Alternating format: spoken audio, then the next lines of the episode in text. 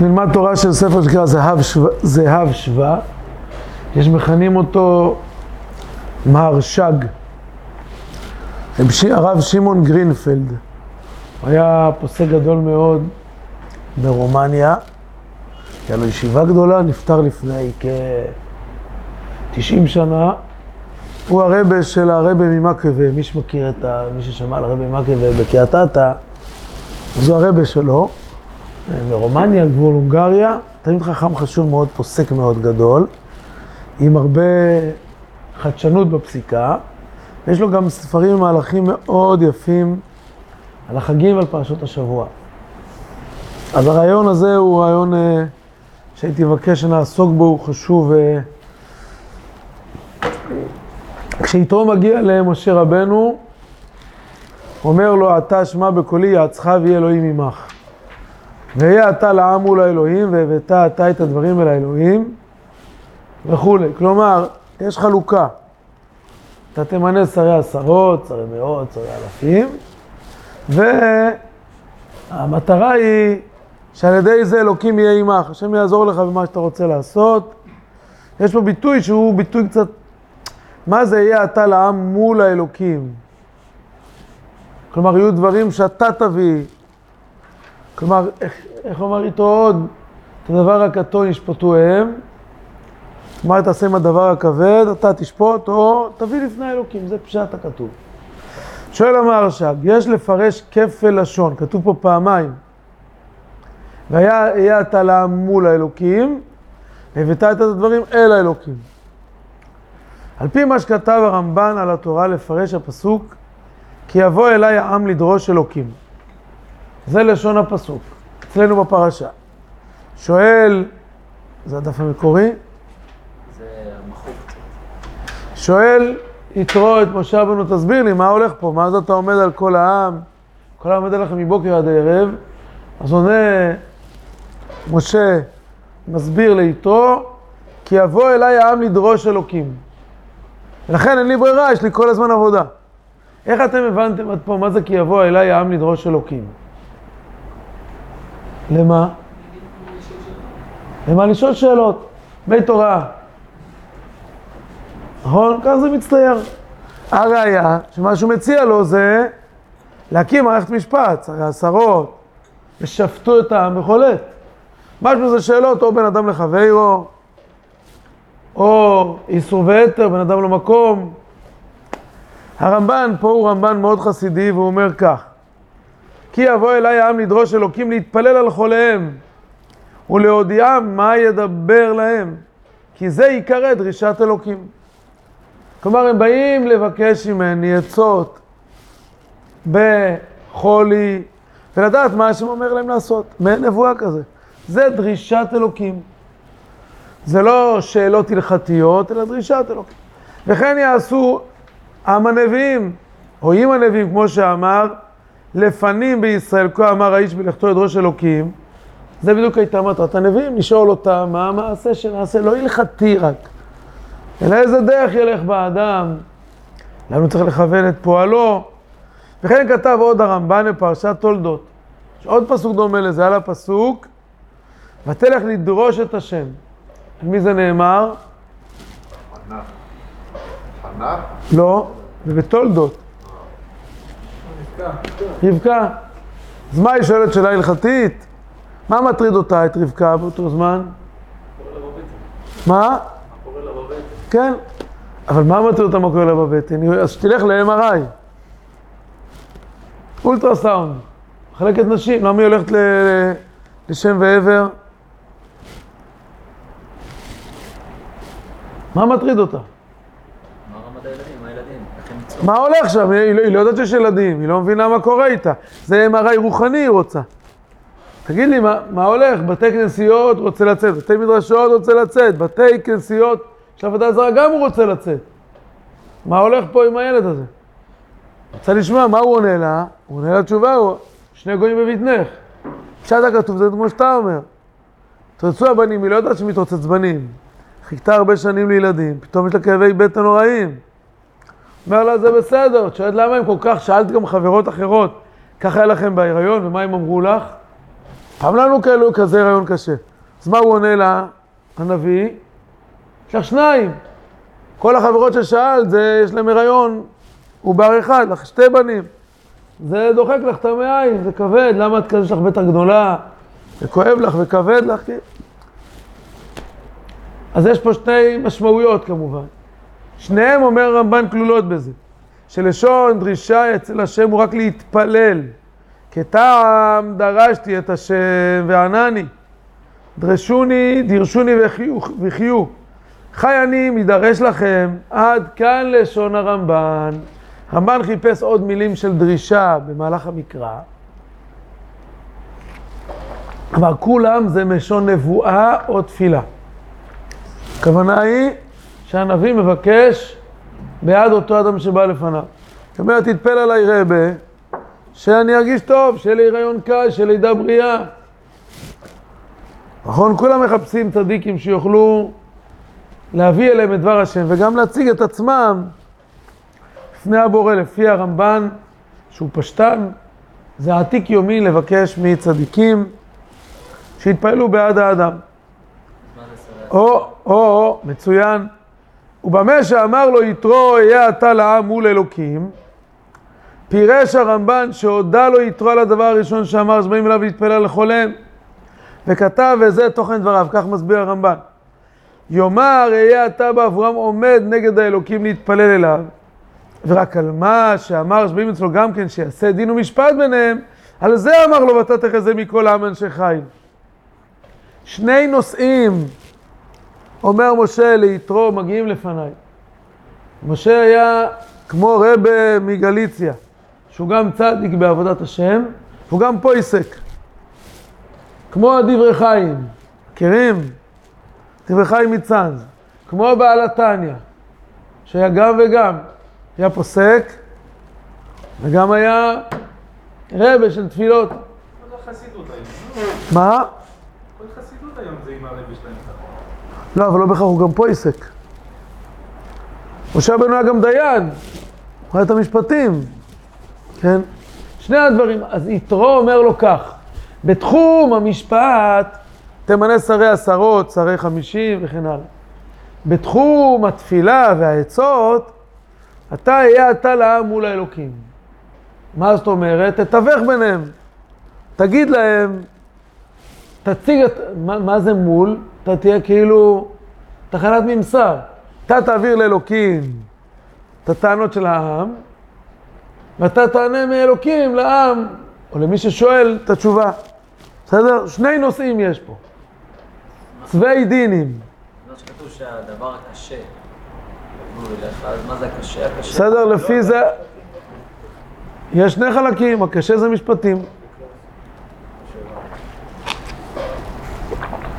טוב, עד פה דברי הרמב"ן, בגדול. על פי זה יש לפרש. עכשיו מגיע הפירוש המרכזי שלו. זה בא ללמד אותנו דרך ועצה למי שמתפלל על יש- על ישראל, שיתנהג בדרך זה. מה הכוונה? הנה מבואר במדרש ילקוט ריש פרשת אלה הדברים. דדריש אקרא, שם דורש המדרש ילקוט שמעוני את הפסוק הבא. נאמנים פצעי אוהב ונעתרות נשיקות צונא. קודם כל בואו נסביר את הפסוק של שלמה המלך במשלי. מה זה נאמנים פצעי אוהב?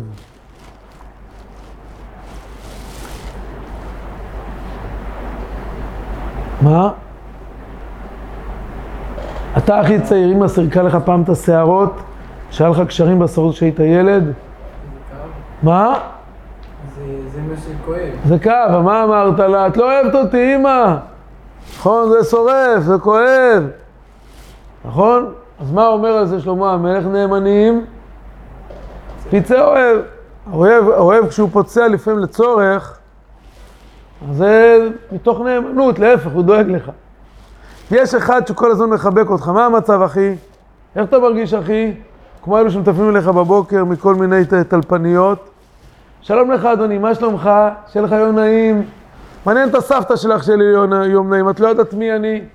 אני כתוב לך שם בתור עוד איזה מספר. הרבה מאוד פעמים הדבר האחרון שמעניין אותך, יש אנשים מאוד מנומסים, דיפלומטיים.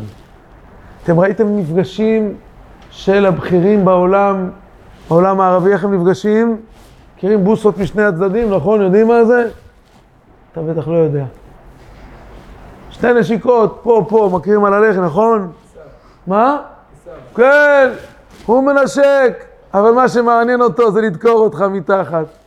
זה נעתרות, נעתרות זה מלשון מכבידות. לוותר על הנשיקות שלך, לא מדובשך ולא מוקצך. איך אומרים את זה במרוקאית? מויכל טויבס. אני מוחל על הטובות, אל תעשה טובות, לא נשיקות ולא כלום. בסדר? אבל מי זה נאמר? המדרש אומר שיש אדם שהוא מייצג את האוהב בת... בתורה, יש אדם שמייצג את השונא. על מי דורש את זה המדרש? נגד בלעם ובמשה. רגע, מי זה בלעם? מי, את מי בלעם מייצג פה? את השונא או את האוהב? ברור, ומשה? אוהב. דבלעם היה שונא לישראל, ואמר להם לא יביט אבן ביעקב, ולא ראה עמל בישראל. הוא אמר להם דברים טובים, נכון? אתם יודעים איזה פרגון זה לא הביט אבן ביעקב, כלומר, ריבונו של עולם, לא רואה בכם דברים שליליים. כל כך אוהב אתכם, ריבונו של עולם, שאתם, תמיד הוא רואה בכם רק את הטוב. איזה פרגון אדיר, זה לא... כולנו אוהבים את הפסוק הזה של בלעם. אז למה זה, נש... מה, מה רע בנשיקות כאלו של שונא? הוא נשק ואמרנו, ריבונו של עולם, אוהב אתכם. הוא כמעט מתאים לכל הזמרים המודרניים, לא? אבא אוהב אותך, אחי, אבא אוהב אותך, הוא מקבל אותך איך שאתה. אבא, תתה, אבא, תתה. לא מכירים את הז'אנר הזה של הדורות האחרונים? זה הכי טוב בעולם, לא? למה זה, למה זה נשיקות? מה רע בזה? למה על זה אומר המדרש נטעות נשיקות שונא?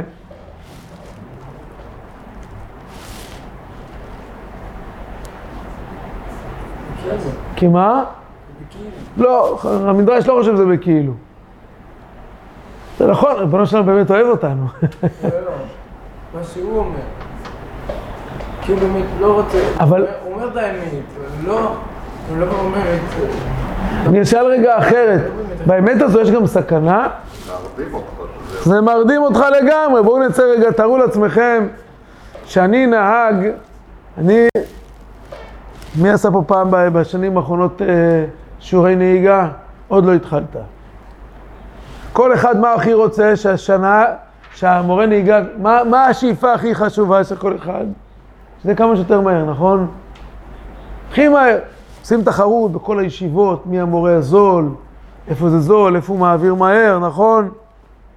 שאתה עצמך שאחרי שיעור 25 אומר לך המורה, חביבי אתה על הכיף, אתה כבר משיעור 18 יכול להיכנס לבחינות. למען האמת, אבא שלך רואה איך אתה נוהג, אומר לך, וואי וואי וואי וואי וואי, רק שלא תעלה על המכונית שלי. רק על המכונית שלי שלא תעלה.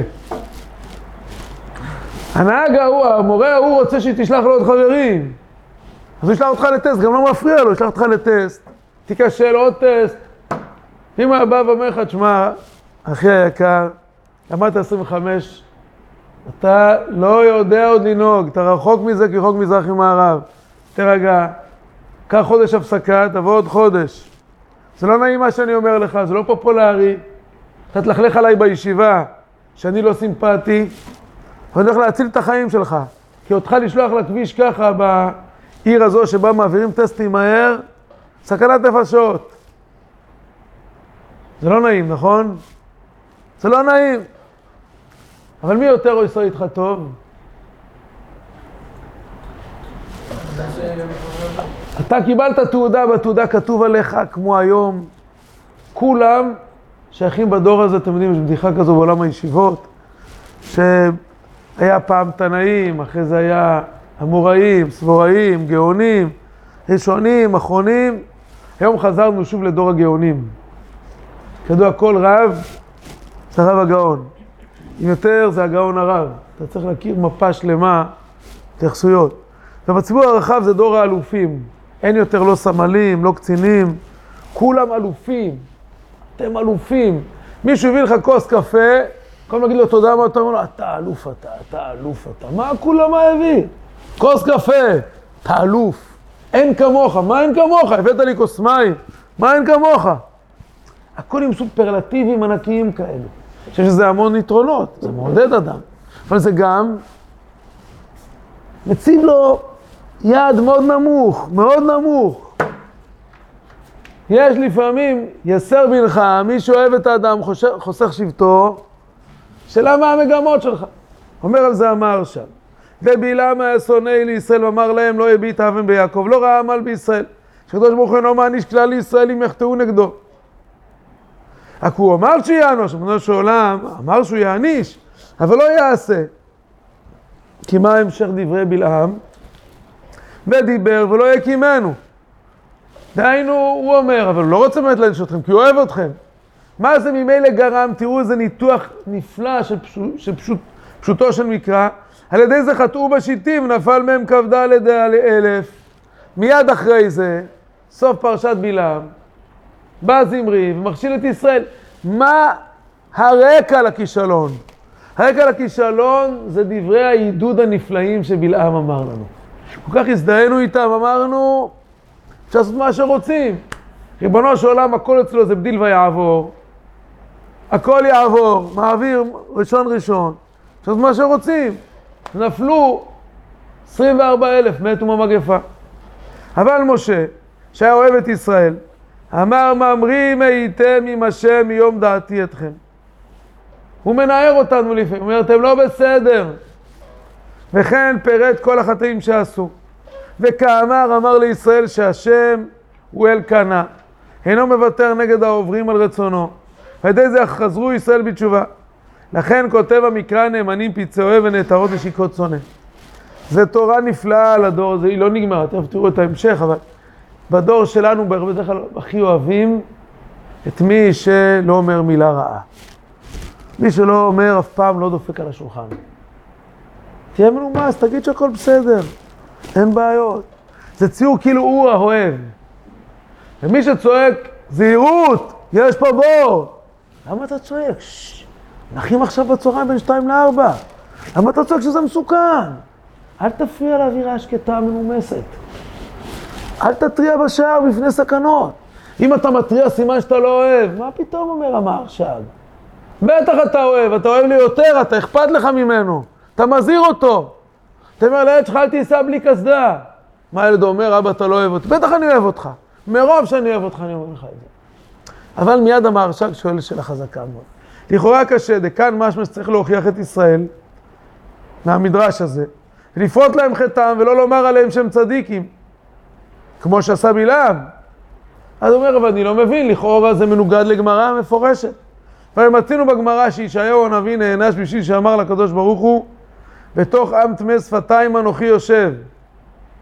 חז"ל אמרו שמיד אחרי שהוא אמר את הביטוי הזה, בא אליו המלאך, הגיע אליו עם עוגת רצפים וגחלת, ונגע לפיו. למה?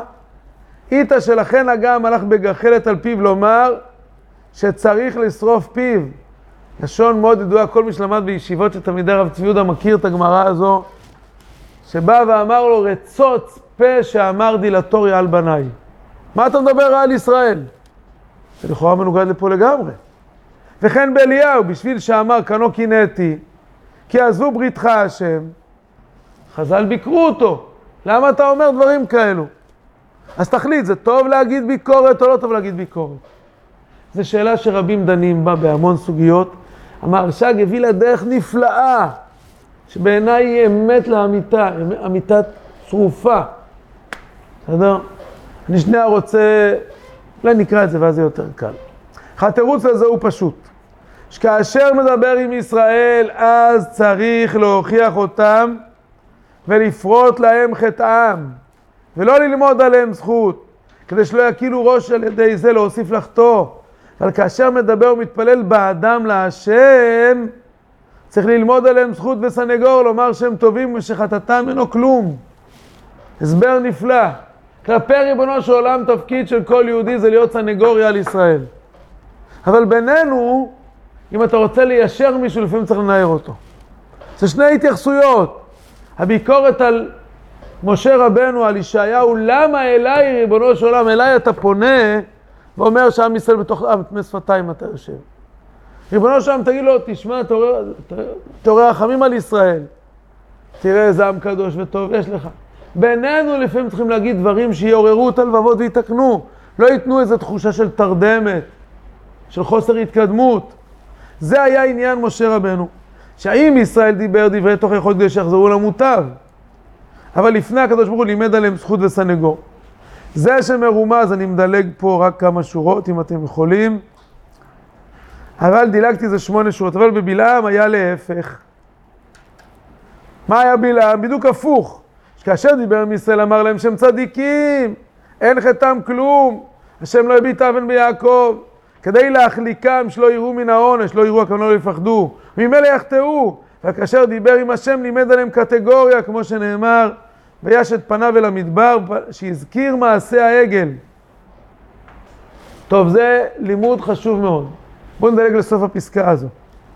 וכן בכל זמן ומקום שאדם מתפלל על חברו לפני הקדוש ברוך הוא, לא יזכיר חטאו רק זכותו וללמד זכותו, זכות על חטאו. שני מישורים מול הבורא ידבח תעורר רחמים. לאדם לפעמים צריך לעורר אותו. צריך לשקול מה מעורר אותו. אבל אל תהסס מלעורר אותו. עכשיו איך זה עונה לשאלה פה שלנו, של יתרו ומשה. זה שאמר לו יתרו למשה, כאשר אמר לו משה שבאים אליו עם לדרוש אלוקים להתפלל על חוליהם, על כל צער שיש להם, כפי שפירש הרמב"ן, הסכים לו יתרו בזה, אמר לו, מה מדריך אותו יתרו? שבעניין זה אהיה אתה לעם מול אלוקים. היינו, אפילו לפחותים שבהם שהם מכונים בשם העם, אמר לו שכאשר ידבר עמהם יאמר להם שהם מול אלוקים. דהיינו מלשון מנגד, שהם עוברים ומנגדים על דבריו ואין עושים רצונו, כדי להוכיחם ולהחזירם למוטב שלא יחטאו יותר. כשאתה מולם אהיה אתה לעם, איך תתייחס לעם? מה תגיד להם? אתם לא פועלים ריבונו שלם, אתם נגד אלוקים. למה להגיד להם כך? כדי לעורר את ליבם, לדרבן אותם, שלא יישארו בטעויות שלהם. אבל איך הפסוק הבא? והבאת אתה את הדברים אל האלוקים. מולם, תעורר אותם בתוכחת, אבל מה תעשה כלפי השם יתברך? אבל והבאת אתה את הדברים אל האלוקים, היינו לומר שהם עובדים את האלוקים, כל מה שעושים הוא בשביל אלוקים, אף שהם לפעמים עושים שלא כדין, כל מקום כוונתם טובה, דהיינו שילמד עליהם זכות וסנגוריה ודי לחכימה. זה שהם באים להתפלל, שהם אומרים, מבקש לנו רחמים. ריבונו של עולם תגיד לנו, תראה איזה יהודים טובים יש לך, כמה הם אוהבים אותך. אותם תוכיח, זה עמידה כפולה, משלימה עם שתי מידות. זה מאוד דומה לשמאל דוחה ימין מקרבת. זה עמודה שלמה, שלמה. רק באופן הזה מנהיג אמור לעמוד. הוא צריך לדעת גם להגיד לעם, לעורר את העם. כמובן צריך להיות בתשומת, לב, בחוכמה, כי הרבה פעמים ביקורת לא מעוררת לתיקון. אבל לפחות לשקף את המצב, לא להסתיר אותו. שמישהו יבין את המקום ומתוך זה יתעורר. כלפי שמיא בתפילה תמיד לדבר, אך טוב החסד על ישראל. בשורות טובות.